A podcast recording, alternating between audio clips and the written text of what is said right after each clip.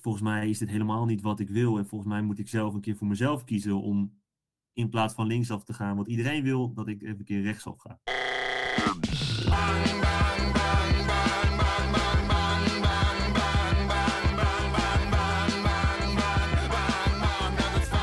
Hey hallo, welkom bij aflevering 16. We gaan het hierin hebben over de prestatiedruk van hoogopgeleide twintigers.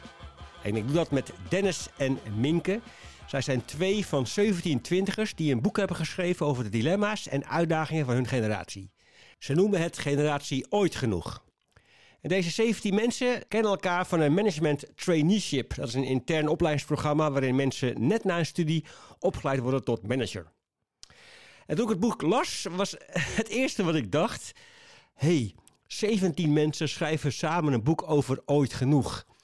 En was één schrijver dan niet meer dan genoeg? Nou, er waren er eerst nog meer zelfs. Uh,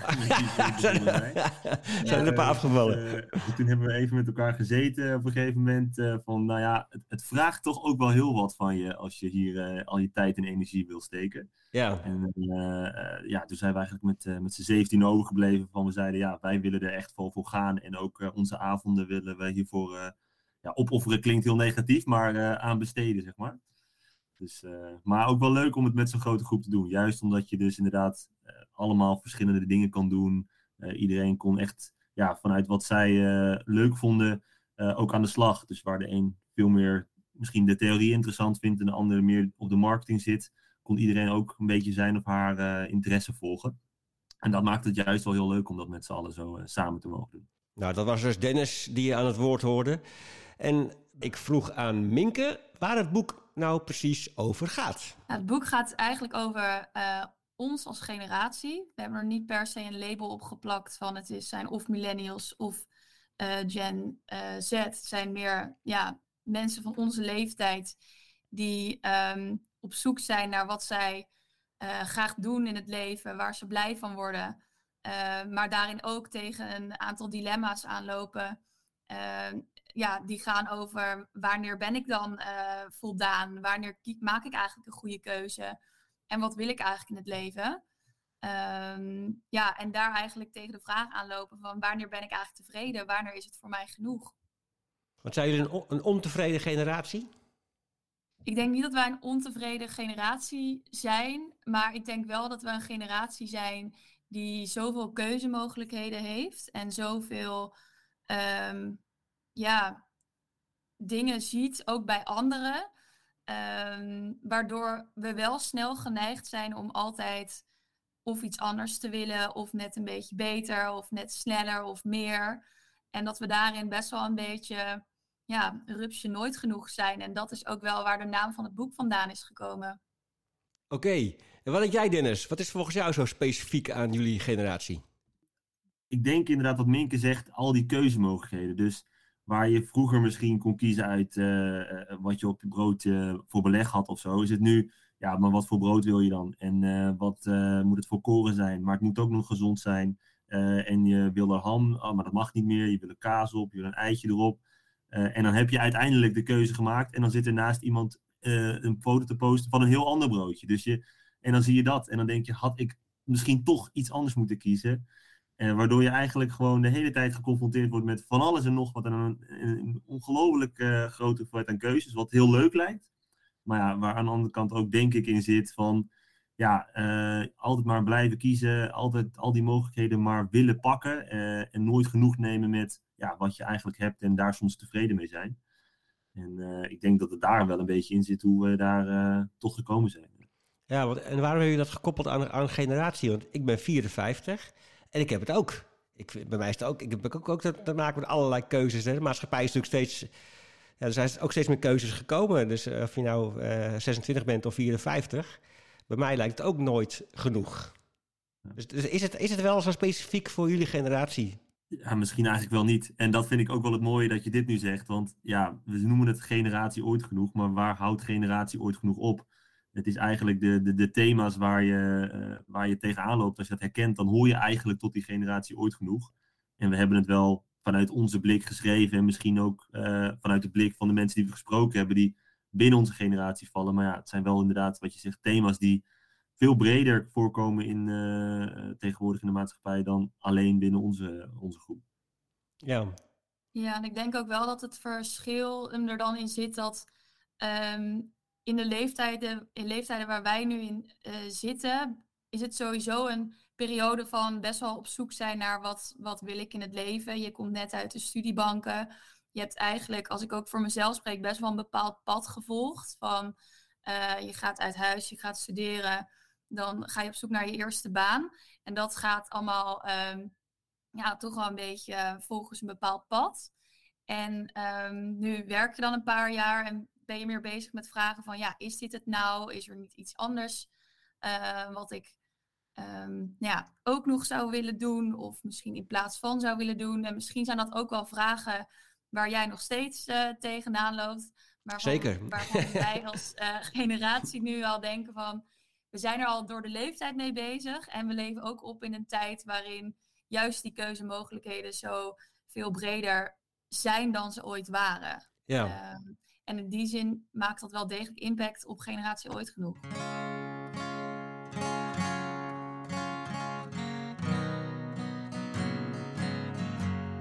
When I grow old, I want to join the Rolling Stone. Do something with my life that matters. I could play the tambourine, cause who would ever, Mick and Keith, would need do something with my life that matters. Nou ja, en zo worden ook keuzes als uh, welke shampoo moet ik nemen ook in een appgroep gegooid. Uh, en dat zijn dan even hele kleine voorbeelden. Maar hetzelfde geldt voor misschien welke baan moet ik kiezen of welke studie moet ik doen. Daar zijn we ook heel erg mee bezig met wat, ja, wat voor informatie kan ik bij anderen ophalen. Of misschien wat voor verwachtingen hebben anderen en hoe kan ik daaraan voldoen.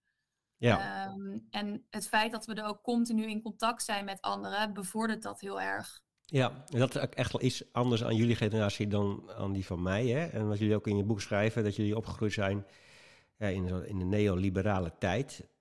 Ja, in een soort maakbaarheid. En uh, als je maar hard genoeg werkt, dan kan je dingen bereiken. En als je fouten maakt, ja, dat ligt ook aan jou eigenlijk. Hè? Dus uh, dat is Um, als je doelen niet haalt, dat je blijkbaar niet, niet goed genoeg bent of zo. Ja, ik herken dat wel. En dat is wat we inderdaad ook zien, is ja, je stelt je eigen doelen. Um, maar vervolgens ben je ook zelf verantwoordelijk om die te gaan halen. En uh, dat ligt allemaal bij jezelf. Uh, en je bent zelf heel erg hard aan het werk om dat te gaan bereiken. En uh, je doet er alles aan om dat te gaan zorgen. Want er is ons altijd verteld, alles is ook haalbaar, alles is ook maakbaar. Dus als, als het mogelijk is, dan, dan, dan moet je ervoor gaan. Dan kan je het gaan bereiken.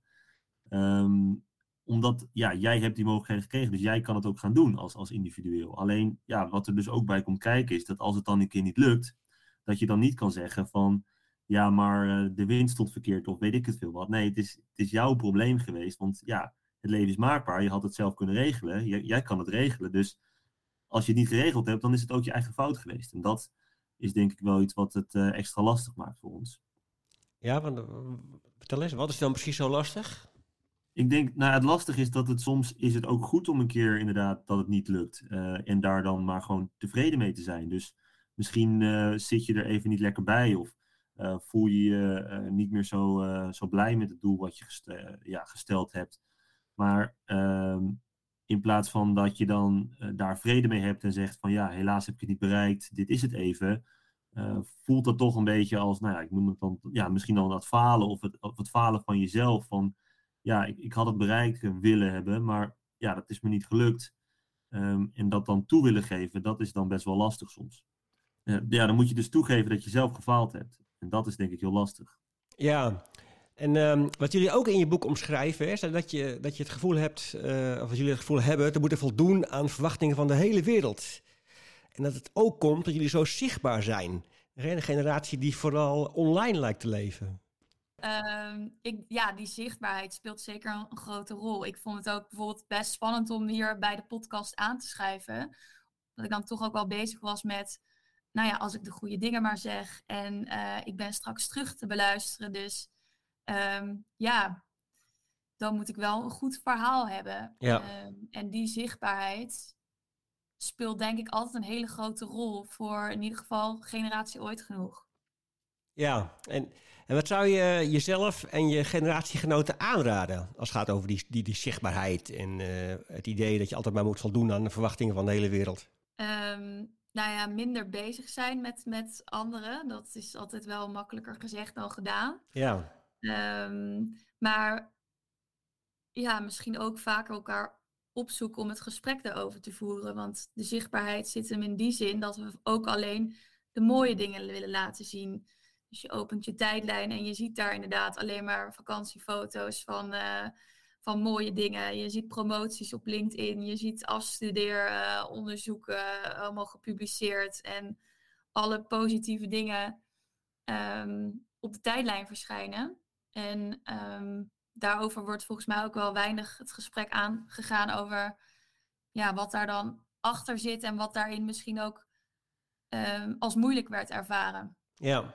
Uh, dus het is denk ik te makkelijk om te zeggen, ben minder bezig met anderen. Maar misschien kunnen we beter zeggen, als je dan bezig bent met anderen, zoek elkaar dan ook op in de positieve en de negatieve dingen.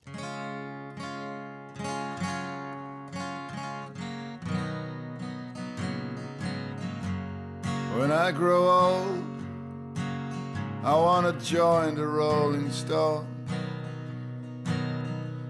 Do something with my life that matters.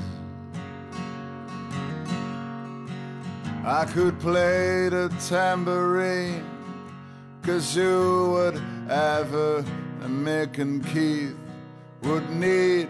Do something with my life that matters.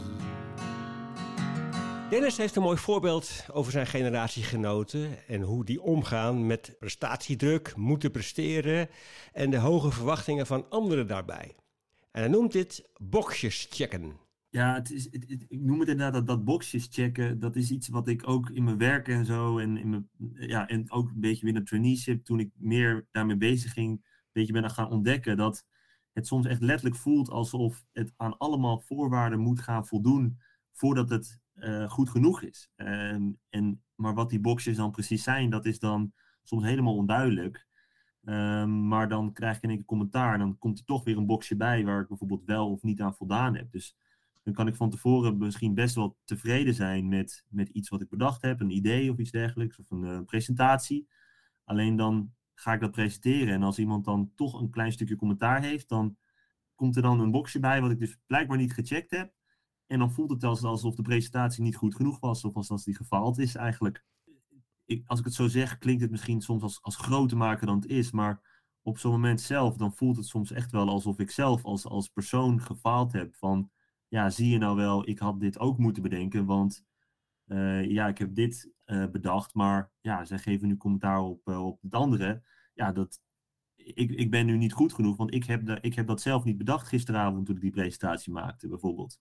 Ja. Uh, ja, dat trek ik dan heel erg naar mezelf toe. Van ja, zie je wel, uh, dit is mijzelf niet gelukt. Nee. Ja, en is dat terecht eigenlijk?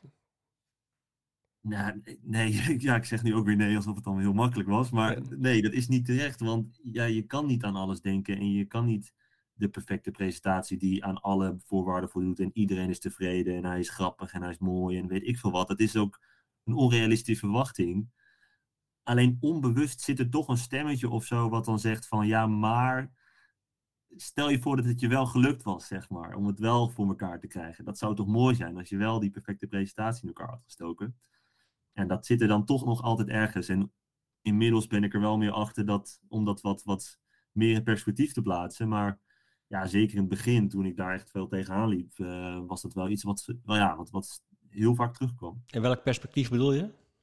Um, ja, dus wat ik probeer nu te doen is uh, minder vanuit die boxjes denken, want dat voelt heel erg als moeten. Van ik moet al die boxjes aan, uh, moet ik allemaal aan voldoen. Uh, en ja, daar ook in eigenlijk wat, wat liever voor mezelf zijn en meer naar mezelf kijken. Van ja, wat wil ik zelf nou eigenlijk? En wanneer is het voor mij eigenlijk goed genoeg? En als ik dan zo'n presentatie, ik neem even die presentatie als voorbeeld hoor, maar als ik die dan gegeven heb en ik heb van tevoren bedacht van ja, dan ben ik tevreden en dat is voor mij bereikt, dan is het dan ook goed. En als er dan extra feedback komt van iemand anders, uh, wat ik nog niet bereikt had, dan kan ik het veel meer zien als uh, een ander perspectief van iemand anders die een andere mening heeft dan ik, in plaats van uh, het is niet goed genoeg, want die ander heeft een andere insteek erop. Ja, dat je eigenlijk veel meer kijkt van wat is nou voor jou belangrijk op de, ja, en, in, ja, en minder naar buiten kijkt eigenlijk. Ja. Dan nog even die andere ding uit, uh, wat me ook opviel in jullie boek over even een generatie ding dat jullie schreven. Dit is een generatie, jullie leeftijdsgenoten, die niet zo graag reflecteert. Nou, ik vind je trouwens enorm reflectief hier in dit gesprek. Maar van, Minke, kan je daar iets over vertellen? Ja, ja ik denk, um, nou sowieso verschilt het per persoon. Ik denk dat als ik voor jou mag spreken, Dennis, dat jij over het algemeen meer reflecteert dan ik. Um, ik heb het wel echt moeten leren en ik vind het nog steeds heel erg moeilijk. Uh, omdat ik merk aan mezelf dat ik mezelf niet zo goed de vragen kan stellen of misschien wel durf te stellen. Um, dus ook wij als generatie reflecteren niet zo graag, want dan, ja, dan moet je ook wel kritisch zijn naar jezelf en ook wel stilstaan bij hoe het misschien uh, anders moet of kan. Uh, waar het natuurlijk gemakkelijk is om te denken, ja, het gaat toch goed zoals het gaat. Ik denk dat aan de voorkant, als ik ook naar mezelf kijk, dat er heel veel dan uh, omgaat in het hoofd. Dat je heel erg bezig bent met, oh, wat zouden anderen vinden? Wat, wat is dan de beste keuze? En als de keuze dan eenmaal gemaakt is, dat we dan eigenlijk wel snel weer, liever snel naar het volgende willen, dan dat we echt stilstaan en um, terugkijken. Want dat vereist ook dat je daarin, um, ja, echt een beetje op die stopknop moet drukken. En dat is spannend, want dan kom je, ja, dan moet je echt naar binnen kijken. Uh, terwijl wij het als generatie ooit genoeg gewend zijn om gewoon hup door te gaan naar het volgende. Uh, ja, het liefst ook geen stiltes willen laten vallen, want stiltes zijn ongemakkelijk, ook als je die voor jezelf hebt. Dat zou misschien ook, ook al als effecten hebben, dat je altijd maar kan blijven doorrennen. Klopt dat? Ja, ik denk het wel. Want als je nooit even stilstaat bij hoe zit ik er echt bij uh, en altijd maar doorgaat en, en meer wil, dan ja, je, je, krijgt er ook misschien wel adrenaline van. Je krijgt er ook wel een soort van een rush van om altijd maar door te gaan. Uh, om het even heel groot te maken. En ja, soms dan ga je jezelf een beetje voorbij. En als je die reflectiestap, reflectiestap niet pakt om even te kijken van hoe zit ik nou echt bij? En word ik er echt gelukkig van? En is dit echt wat ik zelf wil? En is dit echt mijn eigen doel, is dit, is dit wat ik wil bereiken, uh, ja, dan, dan kan je er ook prima jezelf in verliezen om alsmaar door te gaan in, in oh, ik, ik, bereik steeds grotere doelen en iedereen vindt het super mooi om te zien als ik het weer post op social media. Um, maar ja, je gaat een beetje aan voorbij en aan wat je eigenlijk zelf echt, uh, echt wil. En, en, daar is die reflectiestap echt voor nodig om soms even stil te staan en te kijken naar jezelf en dat moeilijke gesprek met jezelf te voeren van ja, ik ben nu dit wel altijd aan het doen, maar volgens mij is dit helemaal niet wat ik wil. En volgens mij moet ik zelf een keer voor mezelf kiezen om in plaats van linksaf te gaan, wat iedereen wil, dat ik even een keer rechtsaf ga. Ja. Ja, dus misschien is het wel genoeg. Alleen staan we daar dus nog niet helemaal bij stil. Dat realiseer ik me eigenlijk nu ook pas in het gesprek. Dat ja, misschien is die, dat stilstaan juist ook wel voor nodig om de vraag te beantwoorden over generatie ooit genoeg. Mooi. Nou, dat is een hele mooie uh, einde van het gesprek, lijkt me. Deze realisatie, Winken. Ja, ja. ik ga helemaal wow. Uh, straks Je kan hier nog een hele avond over doordenken, denk ik. Ja, ik ga ze daarover reflecteren, denk ik. Ja. Nou, Dennis en Minke, allebei super dank voor, uh, voor dit, dit uh, mooie open gesprek. Ik wens jullie heel veel succes in je traineeship. En hopen dat het boek dat het, uh, dat het een succes wordt. Dat veel mensen het gaan kopen. Generatie ja. ooit genoeg. En um, nu toch aan de, aan de reclame maken ben. Ik heb een, een leuk, een mooi event ben ik aan het organiseren. Samen met uh, Tivoli Vredenburg en de Universiteit Utrecht. En het Instituut voor Faalkunde. Wij organiseren op 2 juni in Tivoli Vredenburg uh, het tweede Faalfestival. En het leuke is, het gaat eigenlijk over uh, de thema's die we zojuist met elkaar bespraken. En dus, uh, dus, dus, dit festival, deze tweede editie, die gaan, zijn we speciaal aan het programmeren voor studenten en ehm, mensen die, zeg maar twintigers die, zoals jullie, nog niet zo lang aan, het, aan het werk zijn. Dus ehm, ik hoop jullie daar te zien, Dennis en nou, Minke. Ja, superleuk, uh, Remco. Dank jullie wel. Tot zover deze aflevering van de Faalkunde Podcast. Deze podcast wordt gemaakt door mij, Remco van der Drift. Richard Roling maakt het improvisatietheater, helemaal aan het eind. Corine de Goede doet officieel niet de eindredactie. En de muziek is van Mark Lotterman. Ken jij iemand die het gunt om ook naar deze podcast te luisteren? Deel hem dan. Stuur deze aflevering naar deze persoon toe en je draagt bij aan een faalkundigere wereld met minder angst om te falen.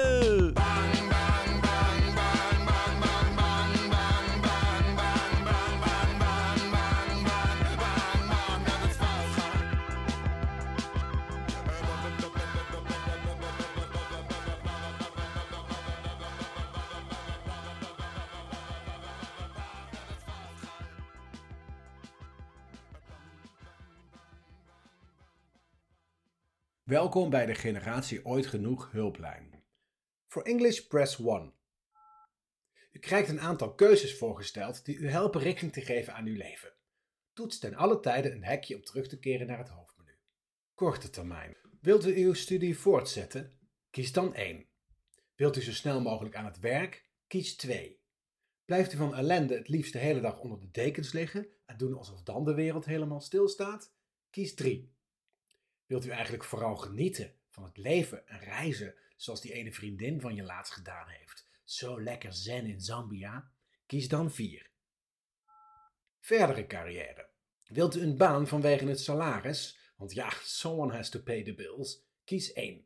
Wilt u een baan vanwege status en succes? Likes scoren, boxjes aftikken? Kies dan 2. Wilt u een baan met afwisseling en creativiteit? Passie, je hart volgen, zijn, het hier en nu. Kies 3. Houdt u uzelf liever bezig met maatschappelijk nut voor de maatschappij, zoals ouderen of juist jongeren, eh, verstandelijk beperkten, of ja, wat precies eigenlijk weet je nog niet, maar er is zoveel onrecht om je heen, dan wil je toch best wel een beetje iets aan doen of zo. Kies 4. Gefeliciteerd, we hebben een werkplek voor u gereserveerd. U kunt hier alvast een lunch reserveren voor een bedrijfsrestaurant. Wilt u een bruin bolletje met roomboter en oude kaas? Kies 1. Wilt u een wit bolletje met margarine en jonge kaas? Kies 2. Wilt u een bruin bolletje met roomboter en jonge kaas? Kies 3. Wilt u een bolletje margarine met oude kaas? Kies dan 4. Wilt u een bruin bolletje met margarine en jonge kaas? Kies 5. Wilt u een wit bolletje met roomboter en oude kaas? Kies 6. Wilt u een tijgerbolletje met roomboter en ardennerham? Kies 7. Wilt u een tijgerbolletje met margarine